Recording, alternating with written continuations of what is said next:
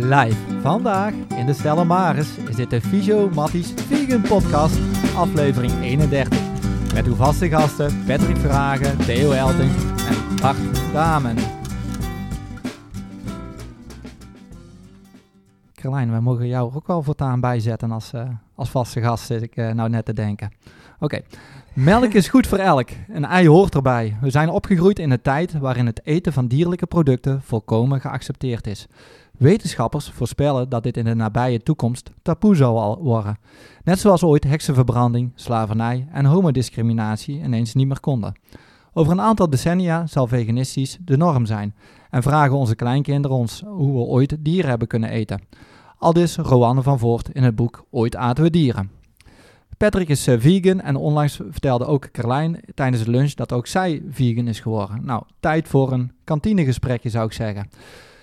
Patrick, ik begin bij jou. Je bent inmiddels al twee jaar uh, uh, veganistisch. je merkt dat het niet altijd even makkelijk is om er met mensen over te praten. Kan je eens vertellen hoe de transitie van vleeseter naar veganistisch is gegaan? Kijk, uiteindelijk ga je jezelf inlezen in dingen en je, je hoort dingen, je ziet dingen. En dan ga je eigenlijk bewuster nadenken over wat, wat doe ik nu eigenlijk, hè? wat eet ik. En um, ik weet niet of dat jullie ooit in Scandinavië zijn geweest.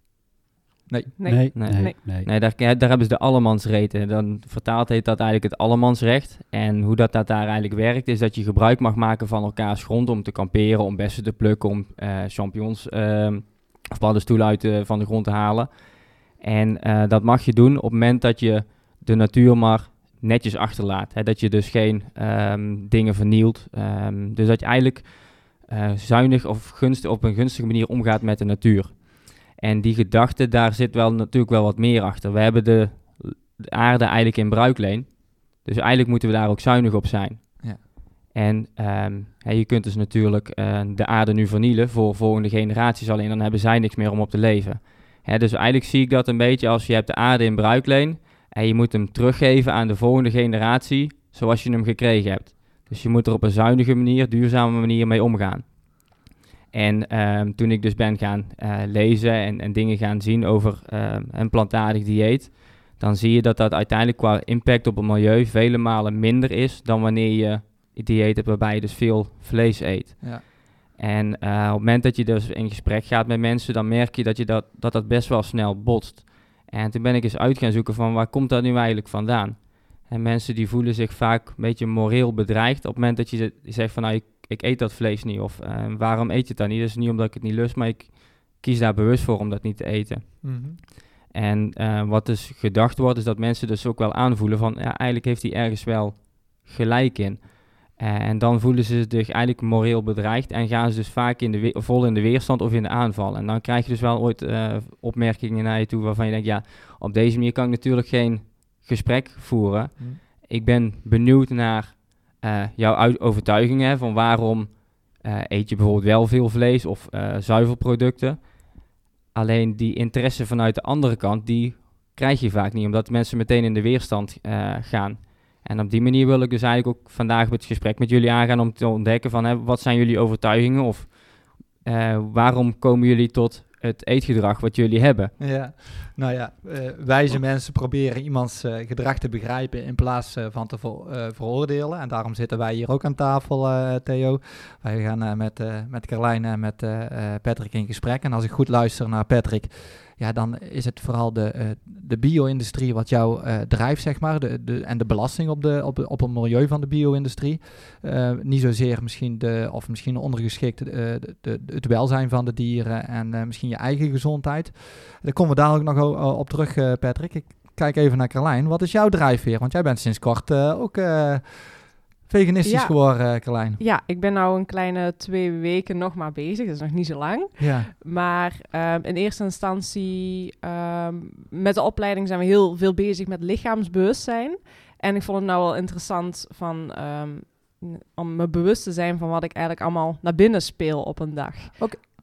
Dus eigenlijk, Patrick heeft het zojuist over, over milieubelasting. En jij begint nu eigenlijk over je eigen gezondheid. Interessant. Ja, ja het is voor mij meer tot nu toe een gezondheidsredenen dan uh, milieu of de dieren. Ja. Um, maar goed, misschien komt er nog. ik ben natuurlijk ook wel eh, milieubewust en, en dierbewust. Ja. Maar dit is vooral voor mijn eigen gezondheid, ja. Ja. Mag ik even een opmerking plaatsen? ja, Je begint al net zo wit te zien als Patrick in het begin toen hij veganistisch... eh, hoe komt dat, Patrick? Hoe, hoe, hoe komt het dat je in het begin zo wit bent als je veganistisch wordt? Ik, ik denk dat dat een eh, vooroordeel is, Bart. Is een vooroordeel. Ja. Ja? Ja, net als op dat, dat eh, Nee, ja. veel mensen denken dat je op de Partij van de Dieren stemt als je veganistisch eet. Maar ook, nee, dat is niet zo. ik stem niet op Partij van de Dieren, dat durf ik hier gerust te vertellen. Eh, alhoewel, ehm, Partij van de Dieren had best wel een goed partijprogramma als, als het gaat over fysiotherapie. Dus Ja. het, zou- het zou misschien geen slechte stem zijn. Ja, we, we zitten hier eh, met de lunch altijd bij elkaar. En eh, hier kwamen de potjes eh eh, speculoos altijd op tafel staan. En nou komt er ook een potje pindakaas altijd. Misschien wordt dat je daar zo wit van wordt. ja, wie weet. Theo, wat is jouw opvatting over... eh, eh, Ja, ik, ik heb er nu toen alleen nog maar geluisterd zonder, een- zonder een waardeoordeel te plaatsen. Want ik denk, dat, dat, ik denk dat dat heel belangrijk is. ja. Eh, ik wil al- allereerst even terugkomen op Patrick. Je bent toen, je, jij bent toen samen met je ouders ben je naar Noorwegen op vakantie geweest, of niet? Ik ben er een keer met mijn ouders op vakantie geweest en ik ben daarna zelf ook nog een keer met vrienden geweest, ja. Ah, oké. En de- dat is dan eigenlijk het moment geweest dat jij eh, dan eigenlijk aangegrepen hebt van... hey, eigenlijk wil ik het zo niet, ik wil het graag anders. Eh, nou, dat was in ieder geval wel een eerste moment dat ik kennis maakte met die manier van leven en die manier van opvatting zie- zoals ze die in Scandinavische landen vaak hebben.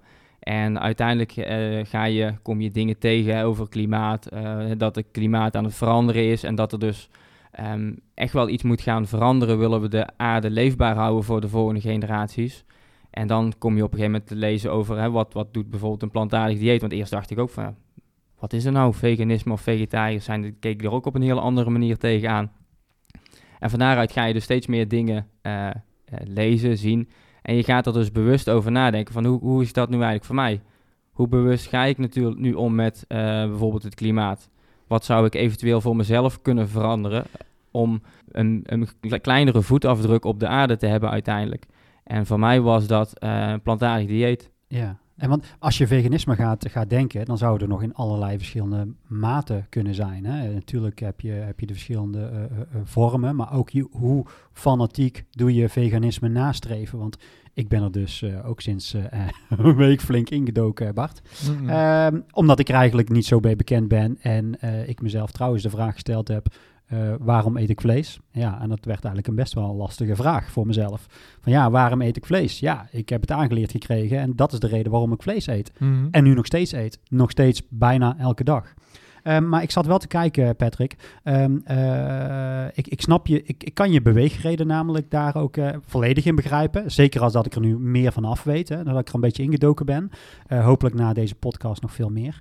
Ehm, maar hoe denk je dan bijvoorbeeld over het dragen van kleding of schoenen of dierenparken of een huisdier of dat soort dingen? Is, speelt dat nog een rol? Ja, dat is natuurlijk ook een vraag die je vaak in een gesprek terugkrijgt. Hè? Maar heb je Ja. dan bijvoorbeeld wel een leren fietszadel? Eh, ja. Ja, Ehm, het wil niet zeggen dat ik een, een moreel ridder ben en alles goed doe. Eh, ook ik doe dingen fout of ik kan ook nog steeds dingen beter doen. Ehm, maar ik ben gaan, we hebben het vaker gehad over Skin in the Game. Hè, dat boek van Nicholas Taleb is het volgens mij, Bart. hè? ja. Ehm, ik voel me wel verantwoordelijk voor hoe dat we nu met de aarde omgaan en voor volgende generaties. Eh, dus ik ben gaan kijken naar dingen die ik zelf zou kunnen doen om mijn Dat te voetafdruk verbeteren. te, te verkleinen. Te verkleinen. ja, En hè, dus ik, ik ga natuurlijk ook wel zo op vakantie met Ja. vliegtuig. Dat is Ja. ook niet goed voor het milieu. ja. Eh, maar dat probeer ik wel te beperken. En ik probeer zoveel mogelijk met de fiets te gaan en de auto te laten staan bijvoorbeeld. Ehm, en dat is eigenlijk de manier hoe dat ik er tegenaan kijk. Als iedereen nu voor zichzelf zou kijken van wat kan ik doen om mijn voetafdruk te verkleinen, dan komen we al een heel eind. En niet, ja, in je eentje kun je de wereld niet verbeteren. Dat moeten we uiteindelijk met z'n allen doen. Ja, nou, Ja. het begint bij jezelf. Hè? Dus eh, wat dat betreft is dat al een punt. Ja, Ja. maar, dat, maar dat vroeg ik me bijvoorbeeld af hoor. Kijk, dan, en ook daarin is, mag er en moet er geen waardeoordeel zijn, want wat maakt mij het uit wat iemand doet. Alleen, eh, dan is mijn, dan mijn vraag van ja, we hebben hier wel een dierentuin. Zouden mensen daar problematieken mee hebben? Eh Carlijn, vind jij het erg als er een dierentuin is? Vind je dat erg? Nee, Ik Nee. niet. Nee. Nee, nee. Ja, je, je hebt andere doelen gewoon simpelweg Ik heb als, andere als, doelen, ja. als Patrick. Het is, gaat echt een beetje om jou, eh, eigenlijk ook wel over die, eh, over die footprint. Hè? Dat, is- dat is natuurlijk dan wel een ding. Ehm, en ook gewoon eh, qua zelfgezonder leven. Puur, Ja, puur je eigen lichaam. Ja. En wat ik me afvroeg, Theo, want jij begon net over ehm, hoe fanatiek je erin Ja. stond in het veganistisch eten. Dus ik vraag me wel af bij Patrick, qua voeding, als je enkel naar voeding kijkt, hoe fanatiek ben jij dan daarin? Als ik ga kijken, probeer ik dat hier in Nederland, want, want als ik gewoon thuis ben, ehm, zo goed mogelijk eh, na te leven. En dus ben ik bijna nooit aan het cheaten.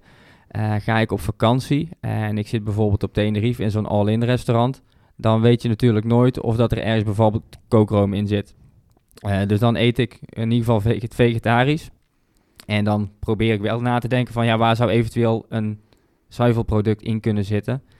Ehm, maar bijvoorbeeld op skivakantie in Oostenrijk, ja, daar, zijn, daar kennen ze dat gewoon nog niet. Daar stoppen ze overal ehm, melk in of slagroom in. en dus dan kun je ja. natuurlijk wel een tomatensoep zonder eh, slagroom bestellen. Maar, De in vraag is of je hem krijgt. maar ja, nou, dat, dat, Dat, zie je snappen. ja, dat gaat dan op zich nog wel, dat Ja. krijg je nog wel uitgelegd. Maar al in, in sausjes en zo, ja, daar zit er daar standaard in. Dus dan eet ik in ieder geval sowieso vegetarisch. Ehm, en daar waar, ja, dus ik, ik doe daar niet per se moeilijk over. Ja. En voel jij je dan in twee jaar tijd, hè, nou dat jij twee jaar bezig bent, heb je dan, eh, voel je je nu anders als dat je dan twee jaar geleden was? Gewoon lichamelijker, eh, fitter, eh, energieker of juist in het begin minder energiek? Of merk je daar iets van jezelf, aan jezelf? Ja, dat is natuurlijk moeilijk om dat te vergelijken tussen nu en Ja, twee jaar terug. Ja. Als ik ga kijken naar toen ik nog studeerde, toen voelde ik me eigenlijk echt niet fit. Maar toen had ik een heel andere manier van leven, een heel andere leefstijl. En ik denk dat ehm, al die stapjes die je daarin maakt, hè, dus bewuster omgaan met slaap, bewuster omgaan met eten, ehm, dat dat allemaal bijdraagt aan het, hoe fit je je eigen voelt. het komt ook wel overal in terug als je dingen gaat lezen, is dat iemand die veganisme is, eh, over het algemeen wat sneller gezond zal zijn als de, de andere. BMI, eh, eh, hart- en vaatziekten of andere ziekten.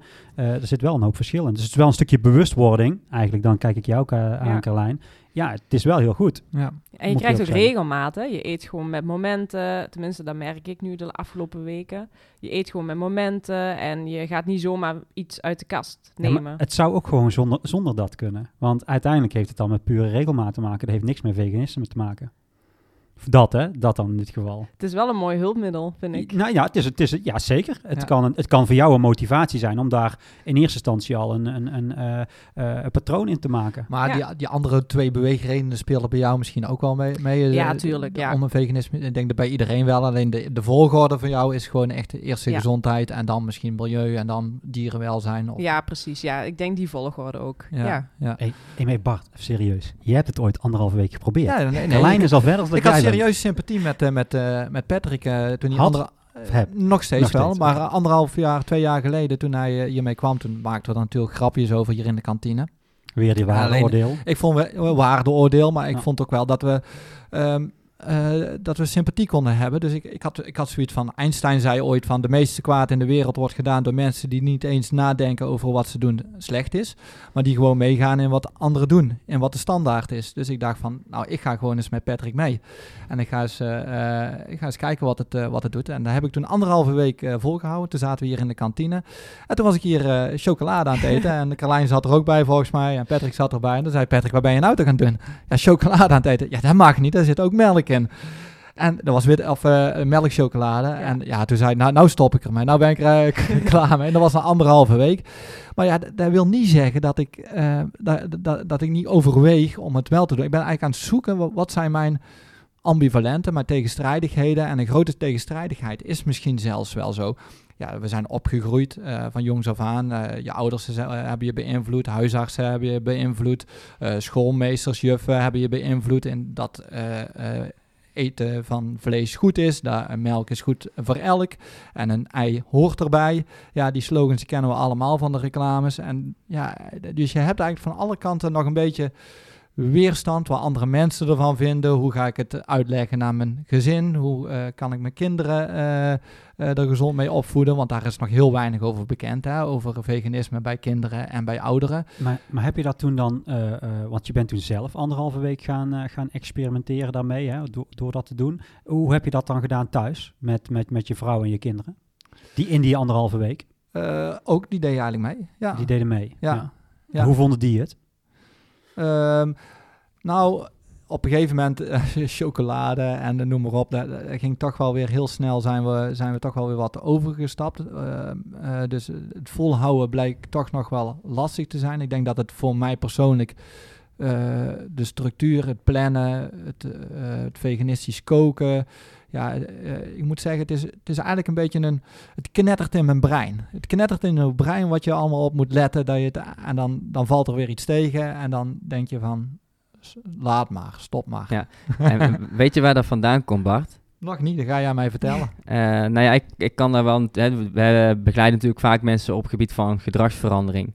En als ik jouw verhaal net zo hoorde, ehm, komt jouw motivatie vanuit extern hè, om, om mee te doen met mij. Ehm, alleen dus de interne motivatie, het, het echt zelf willen, eh, dat ontbrak misschien nog. Of Mhm. daar was je misschien nog hè, niet helemaal van overtuigd, dus daar was je nog ambivalent in. En wat je dus dan vaak ziet op het moment dat er dus iets tegen zit of er verandert iets, dan zie je vaak op het moment dat externe motivatie de belangrijkste motivatie is, dat iemand dus terugvalt in eh, het oude patroon. Ehm, hè, dus het begint met eh, van, vooral intern gemotiveerd zijn om iets te veranderen. En dan is het dus ook helemaal niet zo moeilijk. Ja. Als je iets echt graag wil, of het nu is stoppen met roken, minder alcohol drinken of stoppen met drugsgebruik of meer bewegen. Op het moment dat je vanuit jezelf, vanuit je eigen overtuigingen intern gemotiveerd bent om dat te veranderen, dan Mhm. kan iedereen dat. Want die vraag krijg, of dat eh, krijg ik natuurlijk heel vaak te horen van, oh ik zou dat nooit kunnen wat jij doet. Hm. Maar op het moment dat je er zelf van overtuigd bent van nou dat wil ik, ik sta daarachter, dan kan iedereen dat. Ja. Ja, eh, inderdaad. Ik ben, eh, ik ben toen begonnen omdat ik hier ook wat opmerkingen naar jou toe maakte. Vind ik ook dat ik ergens sympathie moest hebben. Dus een beetje een externe motivator. Ik heb voor mezelf ook een schema gemaakt. Eh, in die zin een schema. eh, Toen of nu? Nu, een motivatieschema. Voordelen van veranderen en nadelen van veranderen. Gooi het in de Oh, groep. goeie. Gooi het in de groep. Oh ja, dat ga ik niet allemaal oplezen. Dus eh, Oh. voordelen. eh, dus om niet te veranderen, dus om niet veganistisch te worden, de voordelen. Ja, ik kan blijven doen wat ik doe. En dat eh, bevalt me in principe eigenlijk wel. Ik vind vlees heerlijk. Ik ben een carnivoor eh, eh, voor mijn gevoel. En ik vind het gewoon heel lekker een mal stukje vlees te, hebben. Eh, mijn kinderen vinden vlees eigenlijk ook lekker. En ik hoef niet alles af te wegen of ik voldoende voedingsstoffen binnenkrijg. Dat vind ik ook wel een, een lastige. Ehm, ja, niet op alle verpakkingen nagegaan of er, of er iets op staat wat, wat ik wel of niet mag hebben. Ehm, nadelen, ja, de belasting op het milieu. Hè. In hoeverre vind ik het belangrijk dat er iets aan gedaan wordt. Hè. Dat is iets wat meespeelt eh, als ik niet, niet verander, zeg maar. Eh, dierenleed. Eh, ja, nou ja, vlees is maar, valt te betwijfelen hoe gezond het inderdaad is. Ja, er is veel bewerkt vlees. Zuivel lijkt me vaak zelfs overbodig. En als je kijkt naar het voedingscentrum, ja, dan zie je dat de schijf van vijf ook aangepast gaat, eh, gaat worden. Hè. Daar staat ook een heel stukje op, eh, op het Nationaal Voedingscentrum. En dat vind ik eigenlijk dan nog wel een beetje de kapstok waar je alles over voeding aan, eh, aan vasthangt. En als zij zelfs meegaan, vind ik dat ook nog wel iets om, om, om te overwegen. Nou ja, het voordeel van wel veranderen is, ja, de, de toekomst zal, zal, zal eigenlijk uitwijzen of dat de juiste keuze is. Maar ja, meer groente en fruit eten, minder dieren moeten er geslacht worden, milieu wordt minder belast. Misschien is het zelfs gezonder. Daar ben ik nog aan, aan twijfelen, wat je net al hoorde. Ehm, en nadelen van wel veranderen, ja, dat heb ik net eigenlijk ook alweer genoemd. Een gedoe met koken, menus vinden. eh, ik belast mijn gezin met mijn mening. Ehm, en krijgen mijn kinderen wel voldoende eh, eiwitten binnen, eh, voldoende calcium binnen, B12 binnen, vitamine D, omega 3, zink, noem maar op. Ik vind dat nogal een, al wat dingen die ik, die ik moet overwegen. En dan denk ik van, dan ga ik weer terug naar wat zijn de voordelen van niet veranderen. Ja, ik zit eigenlijk lekker in mijn vel. Ja, Goeie reden. dus voor jou zijn de voordelen niet groot genoeg om te willen veranderen eigenlijk. Ja, da- dat is dus, ja. Nou, ik denk, ik, ik, denk, ik denk dat die jongen al wel veranderd is. ik, denk, ik denk het al wel. Alleen, eh, kijk, het, het gaat te ver. Als ik dan over mezelf zou spreken. eh naar aanleiding van, eh, van twee jaar terug ben ik maar één ding anders gaan doen. Ik ben, ik ben, ik ben ook een carnivoor. Ik, ik lees, jongen, lekker, jongen. Eh, ik hou daarvan. Maar ik doe één dag in de week veganistisch eten. en ik vind dat moeilijk. Echt, dat vind ik de ergste dag van de week. Ja. Dat, klinkt, dat klinkt nou heel stom, omdat ik, ik weet niet, misschien zit het dus letterlijk in mijn hoofd en dan ben ik daar nog niet in veranderd of sta ik er dus niet volledig achter, maar ik doe het wel. En dat doe ik. Nee, nee, nee, nee, nee, nee. Eh, eh, vleesvervangers. Maar eh, in dit geval doe ik het al wel naar aanleiding van ons, ja, van, van anderhalf tot twee jaar terug in dit geval. Dus dat vind ik van mezelf wel knap. Ja. Maar ik denk dat er heel veel tussenvarianten kunnen zijn. Ik zou persoonlijk nu, maar ook niet over vijf jaar, gok ik, veganistisch willen zijn en kunnen zijn. Omdat ik denk dat vlees gewoon lekker is en ook met mate. En ik denk dat het daarin zit, gewoon goed kan zijn. Ja. Alleen de hoeveelheid consumptie die wij uiteindelijk maken is natuurlijk gewoon schrikbarend. Als ik zie hoeveel mensen eh, eh, eh, veel te veel eten, is dat, is dat schrikbarend. Als ik, als ik ook ga kijken hoe het het milieu belast, is dat schrikbarend. Maar ehm, eh, toen zat ik in mijn hoofd zat ik een beetje te denken van... ja, ik denk dat wij gewoon een, een mensoverschot hebben op deze aardbodem. Ja. En ik denk dat daar heel het probleem begint. Want als wij katholiek gezien of christendom of islam of waar dan ook... elke, elke eh, eh, eh, geloof, er zitten nog steeds veel geloven bij... waarbij je heel veel kinderen wil hebben... En zolang dat uiteindelijk in dit geval gestimuleerd blijft, blijven we meer vragen, blijven we dus het milieu veel meer belasten. En gaan we dus altijd de verkeerde kant op. Hm. En ehm, ehm, ik denk wel, ik denk echt oprecht dat het over 30 jaar veel meer richting de kant van het veganisme op zal gaan als dat het nu is. Hè. Die Ja. verandering de laatste 30 jaar naar de komende 30 jaar. Tegenwoordig, vroeger moesten ze zich eigen druk maken omdat ze eten hadden of gegeten werden. En tegenwoordig maakt niemand zijn eigen druk, want ja, ik denk dat iedereen te veel tijd heeft, want iedereen heeft commentaar op elkaar en iedereen weet het overal beter. Dus we gaan ons dan maar druk maken om dit. Ehm, eh, even, even om, om de structuur te bewaren, zullen, we- zullen we dadelijk twee dingen gaan, gaan, eh, in ieder geval gaan uitdiepen. Hè? Ja. Eh, ik vind die gezondheidsredenen vind ik wel een belangrijke. Ook als je kijkt naar mijn ambivalent die, die ik op het moment heb. En ik vind, ik vind de, milieubelasting vind ik ook wel een, Ja. wel een, een belangrijke. En wat jij zegt, Theo, is echt, ja, de, de mensen zijn, we zijn, we zijn enorm gegroeid. En de- ja, nu ik aan het verdiepen ben in dat, in dat veganisme, zie je dat, dat er in de, ja, de afgelopen 100 jaar eigenlijk de mensheid enorm gegroeid is. En, Ja. en eh, rond 1900 zaten we met eh, eh, 1,7 miljard mensen op, eh, op deze aardkloot. Inmiddels zitten we met eh, 7,8 miljard, miljard mensen op deze Maar onze plek is niet aardkloot. groter geworden. Nee, en eh, eh, om aan te sluiten op jouw, jouw verhaal, heeft dat eh, blijkbaar dus ook eh, te maken met, het, eh, met de uitvinding van kunstmest. Vertel. Ja, met kunstmest. Ja, de- rond die tijd is kunstmest eh, uit, eh, eh, Uitgevonden, ja. uitgevonden. Wanneer die- die wanneer hebben- praten we dan? Rond, rond 1900, net na 1900. In 1918 heeft die meneer, ik weet even zo niet zijn naam, die heeft daar een Nobelprijs voor gekregen voor de uitvinding van kunstmest. Maar ja, je kunt je voorstellen, toen konden we stikstof in één keer opslaan. Ja, en dat is net wat planten nodig hebben. En eh, dieren hebben dat uiteindelijk natuurlijk ook nodig. En ja, vervolgens konden we in overvloed eh, eh, voedsel kweken. En ja, sinds die tijd is, is de mensheid enorm, enorm gegroeid. De Chinezen bijvoorbeeld, die zijn ruim de helft van de Chinezen zijn afhankelijk van kunstmest geworden.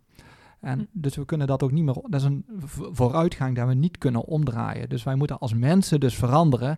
Aanslaan op, eh, op eh, de overwegingen van, eh, van, van Patrick. Hè. Je moet zelf iets goeds willen. Dus je we zullen zelf moeten gaan veranderen. Want we kunnen vooruitgaan, kunnen we niet tegen, tegenhouden.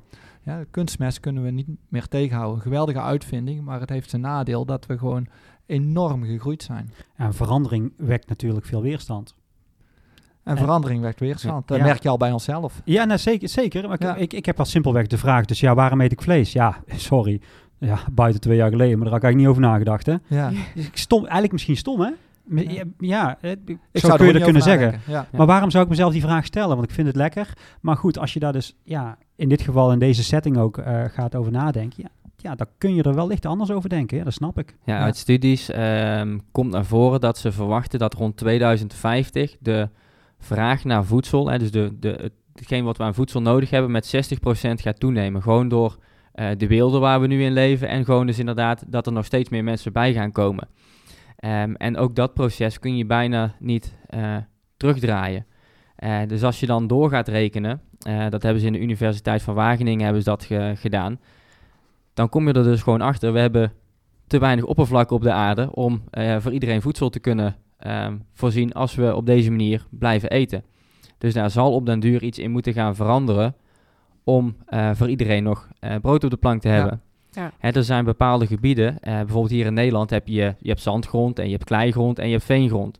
Nou, zandgrond en kleigrond, daar kun je prima gewassen op verbouwen. Maar op veengrond, dat, dat is gewoon niet goed te doen, omdat het vaak veel te drassig is. Mhm. Dus je hebt maar een beperkte capaciteit van land die je kunt gebruiken ehm, om je gewas op te telen. En daar hebben ze een berekening gemaakt van ja, wat nou als bijvoorbeeld iedereen veganistisch zou gaan eten. Wat zou dat dan de invloed zijn zeg maar, op het landgebruik? En dat hebben ze per, per percentage gekeken. Als je gaat kijken naar de verhouding tussen dierlijk eiwit en plantaardig eiwit. Dan zijn zij uitgekomen bij de populatie zeg maar, die we nu hebben en die we verwachten richting die tijd te hebben dat eh, de verhouding moet zijn 12% eh, van je eiwitten haal je uit dierlijk eiwit en het overige gedeelte haal je uit plantaardig eiwit. In de populatie die we nu hebben zouden we kunnen overleven met het landgebruik wat we nu hebben als iedereen veganistisch zou eten. Gaan we eh, flink toenemen in eh, aantal inwoners, dan gaat dat niet meer voldoende zijn, omdat je dan dus te weinig grond over hebt. Maar wat dus wel zo is, als je gaat kijken naar eh, hoeveel land heb je nodig om een veganistisch diner voor elkaar te krijgen of voor een vleeseter, dan is voor die vleeseter is 18 keer zoveel land nodig dan dat er nodig is voor het eetpatroon van een veganist. Ga je dat kijken naar een vegetariër, die heeft drie keer meer land nodig dan een veganist om aan zijn voedsel te komen. Alleen simpelweg, die land, dat stuk land is er gewoon niet. En vanmorgen stond er een stuk op de NOS over de ontbossing in, eh, in Zuid-Amerika. Nederland was daar een van de grootste veroorzakers van binnen de EU. De soja. Vanwege de soja die gebruikt wordt eh, voor, de vee, voor de veeteelt, inderdaad. Hm. En dat is niet voor de sojaburger. Dus Nee. met andere woorden, als we, iedereen blijft eten zoals hij nu eet, dan kunnen ze straks helemaal niet meer zoveel vlees eten als ze willen eten. Eh, dat klopt inderdaad, maar dan is er ook qua ehm groente misschien niet meer voldoende voor om iedereen voldoende te kunnen geven. Maar we hebben toch enorm veel export in, eh, in eh, Nederland, toch of niet? Kan, want het, het- toch een heel gedeelte van ons vlees wat wij eh, produceren, wat wij hier hebben, dat gaat toch naar het buitenland? Of zie ik daar fout? Al onze chicken wings die gaan naar Azië. Ja? Ja. En de, de- en, en, de kipfilets die halen we weer terug eh, vanuit daar naar hier. Ja. Volgespoten Ja. met water. En, eh, Ja. Ja. Ja. Ja. Maar het is ook wel bizar dat we dan uiteindelijk al eh, misschien plek tekort komen en we in dit geval nog massaal gaan exporteren. Of is, dat, niet, of is dat niet raar? Dat is denk ik de economie waar, waar we eh, in zitten. En Nederland is goed in, in veeteelt. En daarom hebben wij daar ons op toegelegd. Eh, en is dat dus ook een, een middel om handel te drijven. Maar ook de, de oplossing hebben wij trouwens eigenlijk al. Hè? Die is toch al ontdekt? De, de, de, de, de kweekvlees. Die, eh, ja, ik, ik hoorde dat Bill Gates daar ook in geïnvesteerd had. Eh, nou ja, die man heeft dus ontzettend veel geld, dus daar zal er ongetwijfeld gaan komen. Ehm, de belasting op het milieu is ook een stuk minder dan van gewoon vlees. Alleen ik weet niet of dat je een, over, een, een echte vleeseter kan overtuigen dat hij kweekvlees moet gaan eten. Ja, dat was ook mijn eerste gedachte. Dan, dan zie ik ze nog eerder een vegaburger eten dan, dan kweekvlees. Ja, maar kweek... wat is dat dan maar de- precies? Ja, eh, je zou iets van... eh, eh, kan jij het beter uitleggen? Ehm, ja, dus ze gaan met de, de eiwitcellen van dieren gaan ze, eh, kunnen ze dus vlees kweken. En daarbij pakken ze bloedserum van een ongeboren kalf. eh, om dus dat stukje vlees te laten groeien. Eh, want daar zitten dan dus ook de voedingsstoffen in voor, eh, eh, om het te laten groeien. En dus op die manier kunnen ze dus vlees maken. Klinkt aantrekkelijk, hè Patrick? Z- Ziet er, ja, het klinkt smakelijk. Ja. Ik heb daar nog wel een Nou, vraag over. Want uh, jij hebt laatst ook een keer verteld hoeveel water wordt er verbruikt voor een hamburger bijvoorbeeld. ja. Ja, jij zei daar iets over, iets van eh, 9000 liter heb je nodig voor één, voor één hamburger. Ja, eh, eh, te- 3000 liter voor een, een hamburger van zeg maar 250 gram. Of een stukje, st- een, een, een biefstuk bijvoorbeeld van 250 gram. ja, dus eh, Zo. dat is enorm belastend voor ons, eh, voor ons water, zeg maar. Hè. We Ja. moeten gaan douchen. Als we aan het douchen zijn, dan laten we de kraan niet langer lopen dan, dan twee minuten bijvoorbeeld. Maar ja, hier heb je dus 3000 liter water voor nodig voor één hamburger. Hè. Dus dat wordt enorm belast op ons, op ons water. Ja, dus Ah. je kunt bijvoorbeeld zeggen van nou, ik, eh, ik ga dus minder eh, douchen of ik ga dus korter douchen. Alleen het effect wat je dus kunt bereiken door bijvoorbeeld die, dat stukje, die hamburger of die biefstuk te laten staan, is dus vele malen groter. Want van één stuk eh, biefstuk van 250 gram kun je dus 45 keer douchen. Ja, hoe zit het dan met kweekvlees? Want dat is dan eigenlijk mijn vraag. Van, eh, wordt daar net zoveel water voor, voor gebruikt? Of? Eh, wat ik in studies Oh. gelezen heb, is dat er ongeveer 90% minder water in verbruikt wordt dan eh, voor gewoon vlees. 90% minder dan in gewoon vlees. Oké. Ja. Ik, ik zag staan 45% minder eh, energieverbruik, 90% minder waterverbruik, 96% eh, minder uitstoot van broeikasgassen en 99% minder land nodig ten opzichte van de klassieke veeteelt. Ja. Dus het probleem is opgelost eigenlijk. En daar gaat het over dat Dat kweekvlees. gaat over dat, ja, dat gaat, ja, dat gaat daarover. Ja. Ja. Oké. Nou, nou, nou zijn we eigenlijk allemaal aan het zoeken. Ik, ik waak een beetje voor wat we als, eh, als fysiotherapeuten, als eh, semi-wetenschappers eh, in, in de fuik terechtkomen. De zogenaamde confirmation bias. Hè. Zijn, we hebben ons eigen voorbereid op deze podcast. We gaan ons gaan inlezen. Maar zit er, zit er geen confirmation bias in dat we nou alleen maar aan het zoeken zijn naar... eh, Voordelen van eh, veganisme. Eh, ik heb bijvoorbeeld als voorbereiding hiervoor heb ik een aantal docu's eh, bekeken. Op Netflix met name, de Seaspiracy, de Cowspiracy, de Game Changers. Ja, die, ik vond het zo extreem. Hè. Zo, in een sneltreinvaart kreeg je eigenlijk opzommingen te horen dat het allemaal zo, zo slecht gaat eh, hier. En ja, hoe slecht boeren zijn, hoe slecht vissers zijn. En er werd er weinig nuances ne- neergelegd. Ehm zit er ook nadelen aan, aan eh, veganistisch zijn? Eh, kijk, als je bijvoorbeeld alleen, als iedereen veganistisch zou eten, eh, dan heb je een bepaald overschot aan ehm, eh, wat je op de landbouw zeg maar niet gebruik, kunt gebruiken voor mensen als eten. Je hebt altijd een stukje restafval, zeg maar. Kijk, dat kun je natuurlijk gebruiken in de veeteelt om die dieren wel mee te, te voeren. Dus hoe, als iedereen op de wereld veganistisch zou gaan eten, heb je dus veel meer restafval van planten, die wij dus, of van gewassen, die wij dus niet kunnen eten. Kijk, dat is een, een nadeel bijvoorbeeld. Alleen, ik geloof ook niet dat iedereen in heel de wereld veganistisch zal gaan eten. Dat is ook niet haalbaar, denk ik. hè? Nee, dus ik denk dat degenen die dat doen compenseren voor degenen die ontzettend veel vlees Ja. eten. Ja, denk maar Ja. aan de Eskimo's of zo, hè? Die, eh, die, die leven van de zeehonden, eh, Ja. zeg maar. Hè? Dus die, die zullen ook blijven eten, dat doen ze al eeuwen zo. En dat zal ook zo, eh, er groeit geen, eh, geen boontje of een tomaat of een... eh, En over voordelen of nadelen gesproken. Ik, eh, ik zei net dat ik het voor gezondheidsredenen doe. ja. Ehm, maar ik hoor jullie ook veel zeggen dat het gezond is. Nou, ik heb gisteren brownies gemaakt.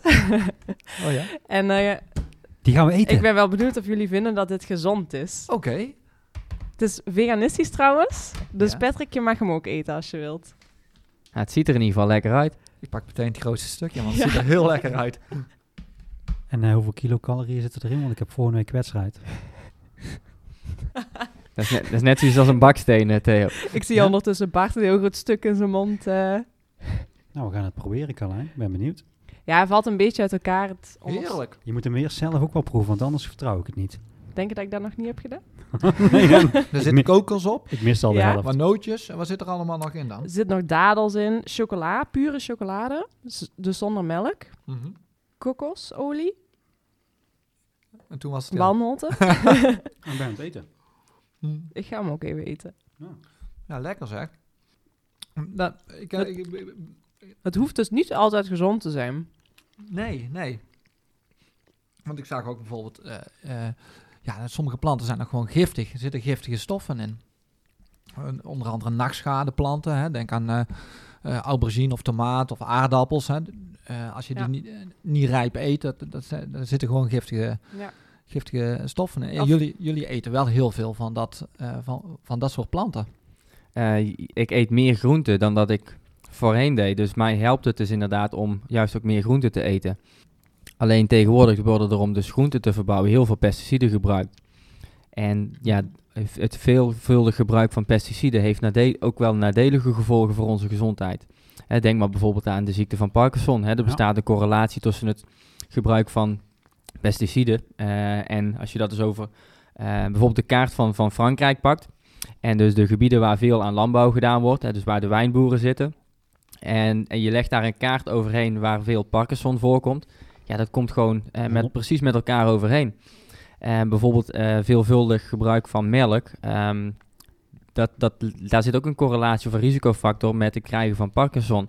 En dat komt dus waarschijnlijk ook doordat die pesticiden die gebruikt worden voor het veevoer, dat die uiteindelijk zo op die manier in die kringloop terechtkomen en uiteindelijk dus ook bij ons in, in het lichaam komen. En dus van één keer eh, melk drinken krijg je geen Parkinson.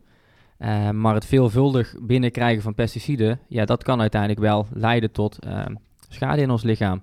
Ja.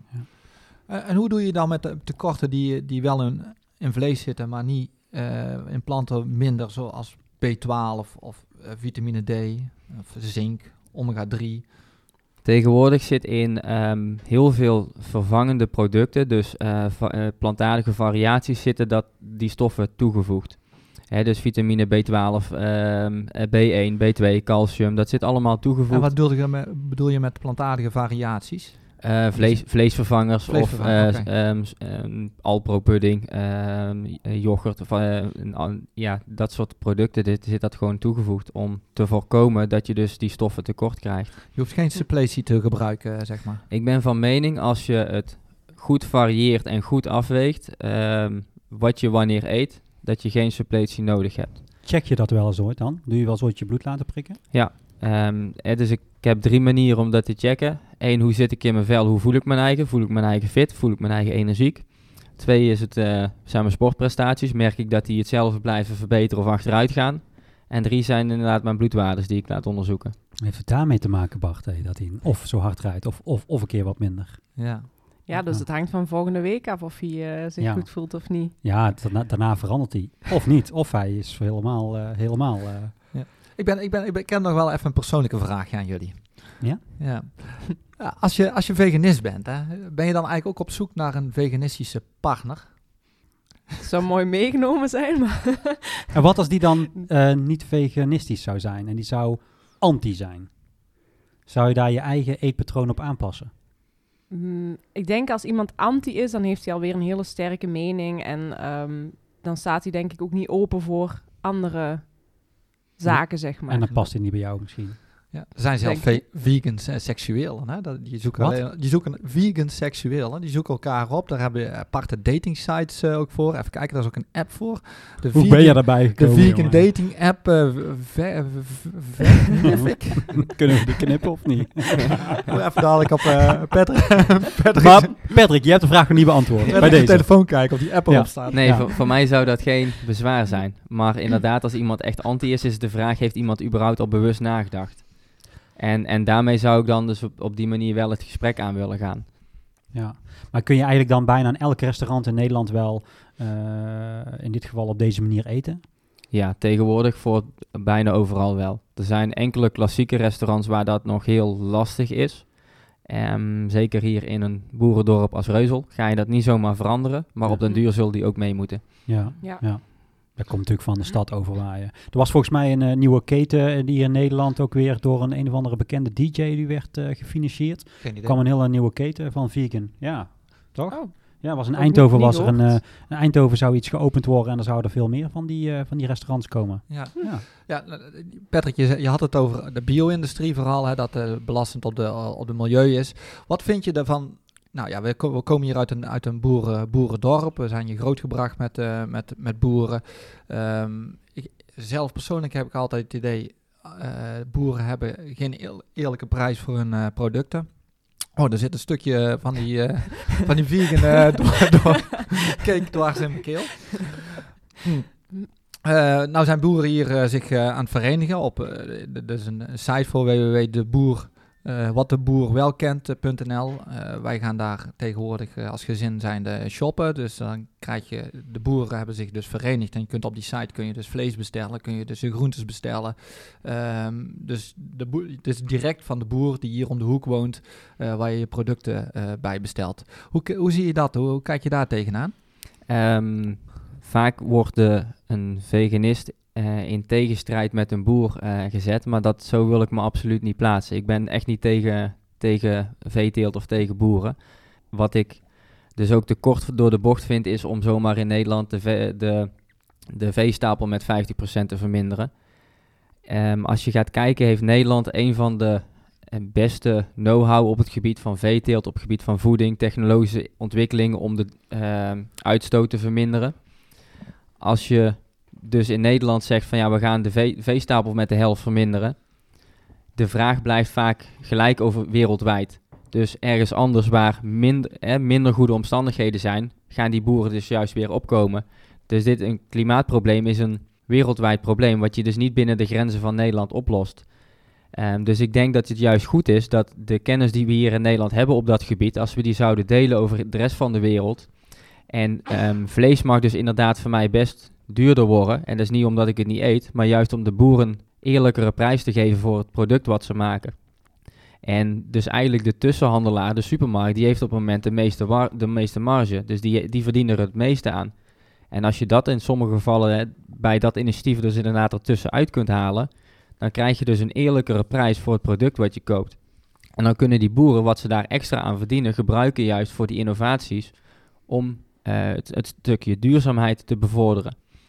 Dus ik, ik denk dat het een heel mooi initiatief is, Bart. Ja, dat vond ik ook. Dus ik, eh, ik sluit me bij jou eh, daar ook volledig bij aan. Want ik vind het ook een heel mooi initiatief dat boeren zich hier gaan verenigen. En dat je daar een eerlijke prijs, dat zij een eerlijke prijs voor hun producten eh, krijgen. Wat ook rechtstreeks bij hun terechtkomt. En dat er geen tussenhandelaar tussen zit, zo'n zo'n supermarkt. ehm, eh, die de prijs opdrijft en die ook nog eens met de kiloknallers aan het gaat stunten. Want ik denk dat dat ook een groot probleem is. Ja, dus ik, ja, ik vond het een heel mooie manier om eh, mijn kinderen toch een stuk vlees te geven. En zelf ook nog te genieten van, eh, van een stukje vlees. Ja, en die boeren geven dus ook inzicht in hetgeen wat ze doen. Dus je krijgt een eerlijk product in plaats van een, stukje kip wat volgespoten is met eh, water en zout. Eh, dus ook dat zorgt ervoor gewoon dat de... Kijk, in de voedselindustrie wordt gewoon heel veel gero- gerommeld en gerotzooid. Kijk de Keuringsdienst van Waarde maar eens een aantal afleveringen. Ja, dan schrik je wat er allemaal gebeurt. En door zo'n lokaal initiatief krijg je dus ook gewoon eerlijke producten die dus veel zuiverder zijn en dus inderdaad denk ik ook een stuk duurzamer zijn voor het milieu. Ja. Nu, eh, eh, mijn dochter moest afgelopen zaterdag eh, zwemmen. Eh, je mag er nu niet bij zijn, dus ik ging, ik wist dat we vandaag eh, een, hier een eh, podcast over, op gingen nemen over vegan. Dus ik ben naar de uh, Appie Heijn gereden en ik ben daar in de supermarkt wat foto's gaan maken om eh, onze titelfoto eh, eh, voor deze podcast eh, eh, te maken. En dan liep ik langs de schappen en toen maakte ik een foto van, eh, van een Cornetto-ijs. Eh, zo- een vegan Cornetto-ijs. Ja, ik vond, vond het zo raar. De vegetarische kip vond ik ook zo'n rare associatie met, met de vegan. Ehm, je had, wat had je nog meer? Even nadenken. Stracciatella, vegan ijs. Ja, je, de- allemaal associatie met het, gewoon het niet Gewone- vegan. Ja, Ja, en ja. Dat, dat vond ik. En dat ook niet geassocieerd werd met gezondheid. Dus je eigenlijk. De kip zit erin. Ja, dus als mensen voor eh, dierenwelzijn. en je hebt nog steeds de naam kip erin zitten. vind ik een beetje raar.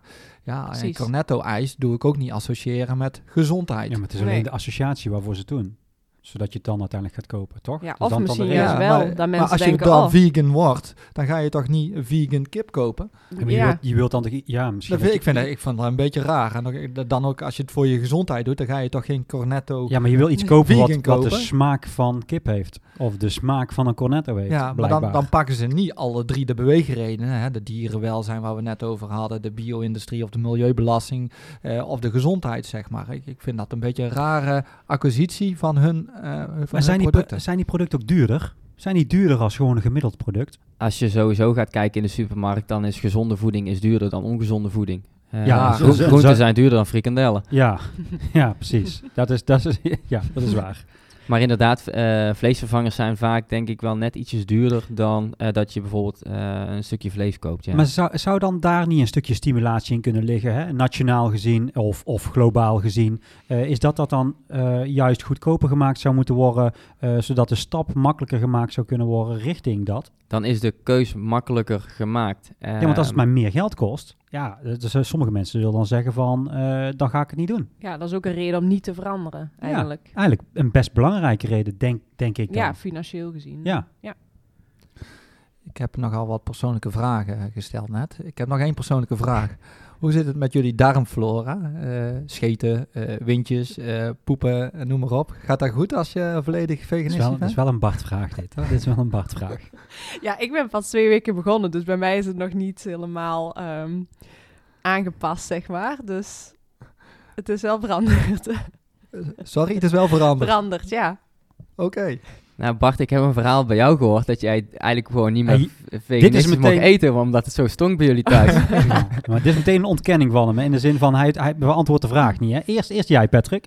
Ja. Daarna gaan we op zijn verhaal door. Ehm, ik, ik denk dat een ieder gezond mens eh, dat gewoon moet doen en dat gaat ook gewoon prima. Dus eh, is dat het antwoord op je vraag? Dat kan een antwoord zijn. Ja. Ja. Maar eh, Bartje, heb je ja, de, de, de thuisfront die verbood jou tot? Nou ja, het, het, het verteren van de, van de gluten en de, de, de, de groentes en weet ik wel allemaal. Ja, dat geeft toch een bepaalde gisting, denk ik, in je, in je maag of zo en in je darmen. Waardoor er toch wel wat eh, ja, andere scheten uitkomen. Ja.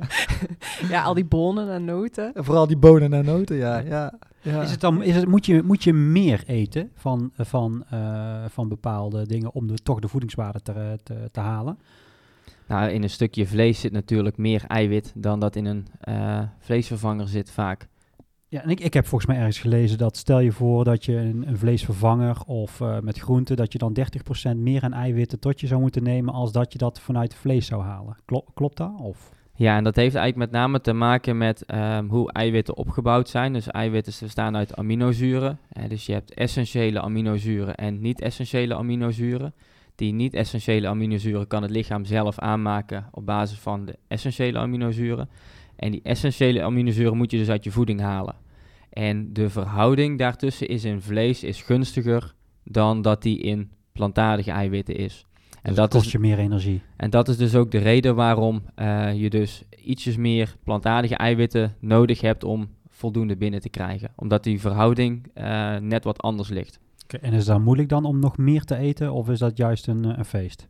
Nee, dat valt best mee. Oh, maar dat merk je niet. daar zijn geen grote verschillen uiteindelijk. Oké.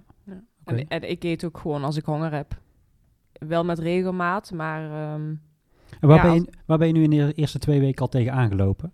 Heb je, heb je al een keer eh, per ongeluk gecheat? Van, nou, oh ja, K, deze mocht ik niet hebben. Ja, toen ik een keer naar mijn ouders ging, toen... ehm, zij had iets van naan gemaakt. Dat is zo van dat brood, weet je wel. Maar daar zat yoghurt in. Dus ik pak een klein stukje en toen proefde ik die yoghurt. En toen werd ik me bewust van...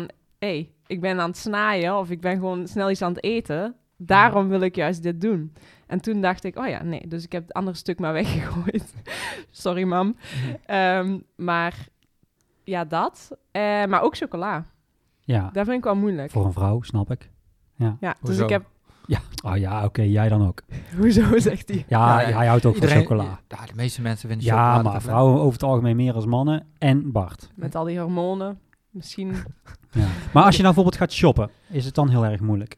Eh, eten gaan kopen in de winkel? Oh, ehm, nee. Nee, nee, nee. Totaal niet. Nee, nee alleen een keer in het weekend of zo. daar. Maar kijk, het ding bij mij is... Ik ben nu net begonnen. En als ik een keer een stukje chocola wil eten, dan doe ik dat. Dus heb ik eh, we- ja, een keer in het weekend wel eens gedaan. Maar de rest is gewoon wel vegan. Ja. Dus voor mij is het niet zo erg als ik eens een stukje chocola eet. Proef je eigenlijk ook meteen of iets eh, dierlijke vetten in zitten of eh, eh, zuivelproducten erin zitten? Proef je dat meteen of haal je Ja. dat eruit?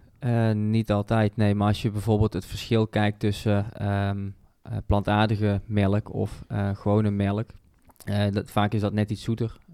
Dus een een Alpro eh, melk is net ietsje zoeter dan een koeienmelk. Ja. Mhm. Dat proef je, ja, dat Ja. proef je wel als je het puur drinkt. Maar als het verwerkt Als het zit, dan, dan... dan bijna niet, nee. nee. Maar ik, ik ben wel benieuwd of dat jullie weten waarom dat wij überhaupt aangeleerd hebben gekregen dat koemelk goed is voor ons. Of dat we dat nodig hebben. Ja, dat vind ik ook een rare.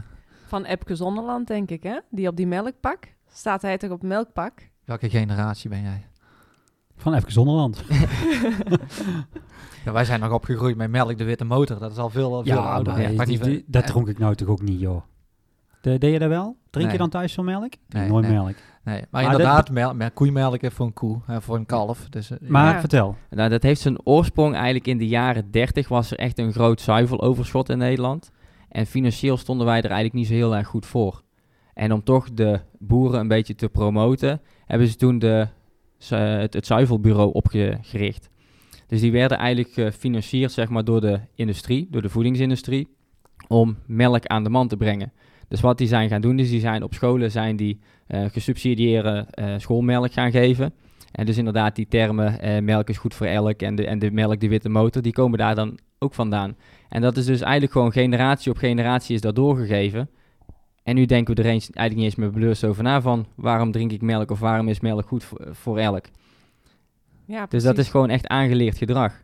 Ja. En wat ik dus eh, jullie probeer te vertellen is, eh, probeer ook af en toe gewoon eens na te denken, waarom, waarom doe ik dat nou? Waarom maak ik nu deze keuze? Doe ik dat bewust of is dit gewoon alleen aangeleerd gedrag? Want eigenlijk is melk toch gewoon om snel te groeien. Baby's drinken melk, kalven drinken melk. Maar heb je ooit al een volwassen koe melk zien, te zien drinken? Nee. Nee, die drinken water, toch? Ja, Dus eigenlijk is het gek dat wij melk drinken. Ja. Bart, even serieus. Ben jij nou om of niet? Of ik om ben. Nou, ik, ik, ik ben vooral aan het zoeken naar eh, ja, hoe ik het toe kan, zou kunnen passen. Dat, ik, dat ik dus mijn leven er zo min mogelijk eh, door beïnvloed wordt, zeg maar. Ja, ik heb een mooi leven. Ehm, eh, dat bevalt me goed. eh, mijn regelmaat bevalt me goed. En hiermee ga je toch weer radicaal omgooien en ook je gezin mee belasten. En, ja, en de zoektocht weer. Ja, en daar ben ik eigenlijk een beetje aan het, eh, aan het, aan het, zoeken hoe, eh, eh, hoe, hoe ik hier zo min mogelijk van, eh, van kan ja, leiden. Ja, want jouw jouw jouw footprint wil je eigenlijk wel zo klein mogelijk houden. Ja. Dus je bent eigenlijk wel bewust van het milieu. Van ja, de- daar kan niemand op tegen zijn. Dat, dat, kan, dat kan eigenlijk bijna niet. Nee. Alleen wat is het je waard? Ja, ik zit nog met die 12% wat eh, Patrick het net over had. De 12% mag nog steeds eh, vlees gegeten worden. Eh, de, dus ik, ik, ik, ik- voel er toch ook wel voor om toch nog een beetje vlees in, mijn, in alles en een beetje zuivel. Maar gewoon heel minimaal. Ik, ik merk ook wel dat ik, eh, ik, ik was echt een enorme vleeseter, zuiveleter. Ik ben enorm gaan minderen. Ik ben echt veel, ik ben echt veel bewuster geworden. Want wat dat betreft is Patrick hier wel een beetje de, de innovator hier in, eh, in de praktijk wat betreft eh, de, het vegan. En die heeft me wel een, een, een spiegel voorgehouden daarin. Ik ben alleen een beetje aan het mijn eigen, ja, mijn, mijn eigen weg erin aan het zoeken. Ja, hoe je dat kunt implementeren bij jou in je leven. Misschien zoals Theo, een paar vegan dagen. Ja, maar dat hebben we. Ja, Ja, ja, wij, wij eten bijna... Oh, jullie ook? Ja, ja, Ja. wij eten eigenlijk alleen maar Ah. nog maar vleesvervangers. Wij eten we één keer in de week bijvoorbeeld vlees en dan pakken we ook een goed stuk vlees hier van de boer, zeg maar, hier. Ja, dus eh, daar zijn we wel echt bewust van. Maar ja, eh, ik pak ook nog wel een keer yoghurt of een keer kwark. Ja, dus eh, en ik heb hier ook nog wel eens een keer een uh, servelaatworstje op mijn, eh, op mijn brood, omdat ik dat lekker vind. Maar ik ben wel een stuk bewuster geworden, dat zeker. Ja, en ik ga niet alleen maar hier boterhammen met eh speculoosloop te eten, zoals of- pindakaas. Wie is er niet groot mee geworden? De volgende slogan. Pietertje. Pietertje. Pietertje. dus ik ben daar mijn eigen weg in aan het zoeken, ja. ja. Ik denk dat dat ook de eerste stap is. Gewoon Ja. je bewust worden van je huidige gedrag. En eh, dan dus de afweging maken, wil ik veranderen? Of ben ik tevreden met mijn huidige gedrag en huidige stand van zaken? En dat is, je zit eigenlijk nog gewoon in die ambivalentie. Ja. Ja. Daar wil ik misschien ook wel eventjes mee, eh, mee af gaan sluiten. Van, ik denk dat de verandering die je zoekt eigenlijk altijd in, je, in jezelf zit. En dat het ook een beetje een worsteling van, vanuit jezelf moet, eh, eh, moet zijn. Ja, en Ja. je moet je niks op laten dragen door, door iemand anders. Maar het is wel goed om zelf ook na te denken en niet zomaar blindelings te volgen. Nou ja, ik, ik, ik, ik moet eerlijk zeggen, ik heb er alleen maar respect voor. Hè. Ik vind het respectvol als je, als je er zo over na kan denken, is dat je de wereld wil helpen, dat je zelf gezonder wilt worden. Eh, er zijn alleen maar hele goede, goede eigenschappen en, en goede, goede redenen om dit te doen. Eh, ik, denk, ik denk dat er iedereen dat uiteindelijk wel een beetje zou willen, eh, als je weet wat voor footprint je achterlaat op de wereld en wat je dus ook zou kunnen verbeteren. Dat, dat, dat kan bijna niet anders. Die goedheid zit in ieder mens. Dat, Ja. dat, dat kan niet anders. Alleen voor wat je ervoor wil doen is wel heel moeilijk. En als ik dan ook een beetje kritisch mag zijn, als ik dan in, in ons, naar ons vieren kijk, eh, denk ik dat we daar best wel bewust en in open daarvoor staan. Ik denk dat we allemaal wel een open mind hebben. Maar dat zal wel echt flink moeten gaan veranderen. En ik denk dat er een hele hoop mensen die ook gewoon zonder dit probleem, maar al punt 1 veel beter kunnen bewegen, veel beter met een eet op kunnen gaan. En ik denk dat het aller en allergrootste probleem gaat zijn, is dat we met veel en veel en veel te veel mensen zijn. Mhm. En daar zal toch ook iets aan gedaan moeten worden. Eh, op wat voor manier, geen idee. En kun je het stappen, geen idee. Maar daar zal op allerlei vlakken zal daar toch, toch een oplossing gevonden moeten worden. Want anders blijven we tegen dit aanlopen. Mm. Ja. Ja. Nou, misschien- Ik ben wel benieuwd eh, na of iemand deze podcast heeft beluisterd en eh, die denkt van, hé, hey, Nou, stel je maar eens de vraag, waarom eet ik vlees? Ja, en kom dan maar eens met een goed antwoord. En natuurlijk heeft iedereen antwoorden, want je hebt je antwoorden, Patrick, zoals je waarom je uiteindelijk uh, vegan bent geworden. Of voor jou uiteindelijk geldt hetzelfde, Carlijn. Hè, maar, die, maar die vragen hebben wij ook, Bart, van ja, uh, ja uh, waarom, waarom eet ik wel vlees? En Mhm. is het voor mij de moeite waard om het te laten? Nee, ik, ga, ik, ga, ik blijf nog steeds vlees eten. Wil ik een ei eten? Ja, ik vind ook een ei eten. eh, vind ik lekker. Eh, is er dierenleed? Ja, als ik, als ik hoor en zie eh, dus in de media dat er dus eh, dieren levend gevild worden of verbrand worden of eh, eh, weet ik veel wat. Ja, da- dat kan niemand leuk vinden. Elke dag, nou elke week zal ik het netjes omschrijven, hoor je wel een stalbrand waar er 40.000, 100.000 dieren doodgaan. Ja, dat is toch ook niet normaal. Die leven in een hok van, van, van, 100 jaar teru- van, van 100 jaar terug. Ja, daar moet ook wel iets aan gedaan worden, vind ik eerlijk gezegd. Mhm. Maar ehm, eh, eh, eh, ja, een wol en daar een trui van hebben, ja, daar heb ik geen problemen mee. Of ehm, ja, er zijn er wel meerdere dingen waar ik geen probleem mee heb. Maar ja, dat is dus uiteindelijk iedereen zijn afweging, afweging. En ik denk dat dat wel mooi is. Ik ben wel na aan het denken, wat zou ik dan bijvoorbeeld met mijn dochter doen? Nou, ik, ik, ik, denk echt, hè, hetgene van wat jullie beiden doen, ik denk dat dat over 30 jaar echt, nou niet algemeen goed is, dat wil ik niet zeggen. Maar ik, ik denk dat wij hele grote verandering gaan maken in de komende 30 jaar. En ehm, dus ik zou er ook best openstaan, niet helemaal vegan voor mijn kind, maar dat ik een stukje bewustwording, dat is mijn taak om haar mee te geven. Ben ik van overtuigd. Ja, ja heel mooi gezegd, eh, Theo. Ja. Ik zou eigenlijk willen afsluiten met een quote van Sylvia Earle. Eh, ik weet niet of dat jullie dat goed vinden, maar Ja, Ik ken haar niet. ik ken er ook Laat niet. nee, horen. zij, Ja. zij heeft heel veel... eh, dat is eigenlijk een beetje de vrouwelijke David Attenborough. Die, eh, die ken je wel, Bart, Ja, denk ja, ik. ja, hè? ja. Dus zij heeft heel Oh, die veel... eh, oude, oude vrouw die in de rolstoel zit, toch? eh, of ze in de rolstoel zit, weet ik niet. Maar zij heeft in dus heel veel onderzoek gedaan, zeg maar, op, op het gebied van klimaat en natuur. En heeft dus ook al die veranderingen heeft ze, heeft ze meegemaakt. Ja. En eh, zij zegt wel iets zinnigs in mijn ogen. Dus eh, wat ze zegt... It isn't too late to take the best hope we will ever of having a home in, in this universe. To respect what we've got, to protect what remains. Don't let any of the pieces escape. Most of the positive and negative things that bring about change in human civilization starts with someone. Someone. And no one can do everything, but everyone can do something. And sometimes big ideas make a big difference. That's what we can do. That's what you can do right now. Look in the mirror, figure it out, go for it.